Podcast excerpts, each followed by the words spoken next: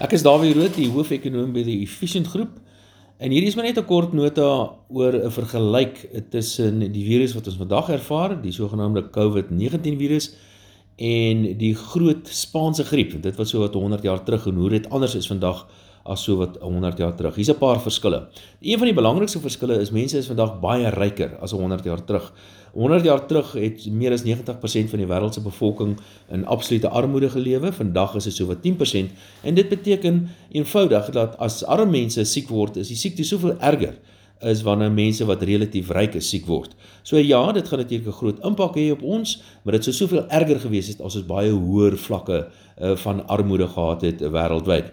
En ek dink dit is ook belangrik en 'n groot verskil is dat ons verstaan baie goed baie beter vandag, veral wat ekonomiese beleid aanbetref. So byvoorbeeld, tydens die Groot Depressie was die monetêre beleid wat deur die groot lande gevolg was, moontlik heeltemal verkeerd en het hulle nie genoeg monetêre beleidsverslapping toegepas nie. Met ander woorde, sentrale banke het nie genoeg ondersteuning aan finansiële markte gegee nie. Vandag is dit heeltemal anderster. In die geval van Suid-Afrika byvoorbeeld, het die Reserwebank alreeds rentekoerse verlaag, het dit al reeds sekere beleidsmaatreëls teenoor banke begin verslap en die Reserwebank het selfs so ver gegaan as om toe te tree tot die sekondêre mark in die kapitaalmark. So dis van die voorbeelde van 'n verskil in beleid wat ons vandag volg in vergelyking met die verlede. Ook 'n baie belangrike en 'n groot verskil is eenvoudig dat ons sekere strukture het vandag wat ons nie in die verlede gehad het nie. Strukture soos byvoorbeeld regerings. Nou ons kan miskien baie sê oor die effektiwiteit van Suid-Afrika se regering, maar ten minste het ons 'n regering met 'n wye en wydstrekkende magte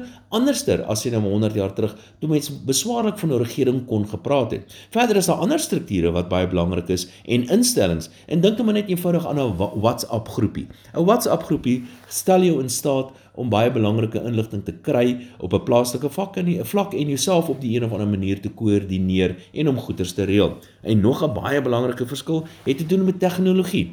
Uh, 100 jaar terug het ons beswaarlik geweet wat se ding is 'n kiem, maar vandag het ons die tegnologie baie vinniger uh, teenmiddels uh, uh, na te vors en moontlik te ontdek wat ons kan help in hierdie in hierdie stryd teen hierdie virus. So ek dink tegnologie is een van die goed wat ons sekerlik baie vinnig en maklik kan help. En nie net dit nie, tegnologie wat mediese goed aanbetref betref nie, maar ook ander tipe tegnologie. Soos byvoorbeeld, dit is my baie makliker vandag om aan te hou werk as gevolg van sekere tegniese tegniese tegnologie wat ek het en tot my beskikking het, anders as wat dit was 100 jaar terug. Een van die groot potensiële nadele van vandag is dat mense in 'n baie groot mate spesialiseer. 100 jaar terug byvoorbeeld het elke ou op sy stukkie grond gebly en sy eie koeie en sy eie hoenders gehad en hy baie van hulle het nie eens geweet van 'n virus wat verbygekom het nie. Vandag is dit anders en mense spesialiseer in 'n baie groot mate in iets ernstiger in die ekonomie. En dit beteken onvermydelik dat as ons nie toegang kry tot kos nie, kan ons nie ons eie kos sommer vinnig vervaardig nie. Dit gaan moontlik lei tot baie ernstige ontwrigting in die samelewing. En dis 'n groot potensiële probleem.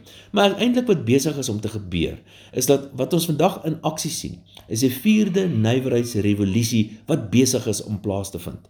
Ek byvoorbeeld sit by die huis, ek hou aan werk, ek het was nog nooit in my lewe so besig gewees nie. Ek is in volle kontak en en, en korrespondeer en ek praat met my mense elke dag en met my kliënte. Dit gaan baie goed met my besigheid en dit dit gaan baie goed met mense wat soortgelyke tipe besighede het as wat ons het.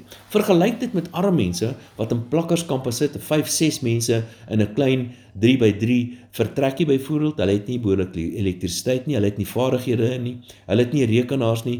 Daardie mense onvermydelik gaan nog armer word. So ek is bevrees hierdie vierde nywerheidsrevolusie is 'n voorbeeld van hoe daar 'n gaping tussen die rykes en die armes net eenvoudig gaan vergroot en baie baie vinnig gaan vergroot.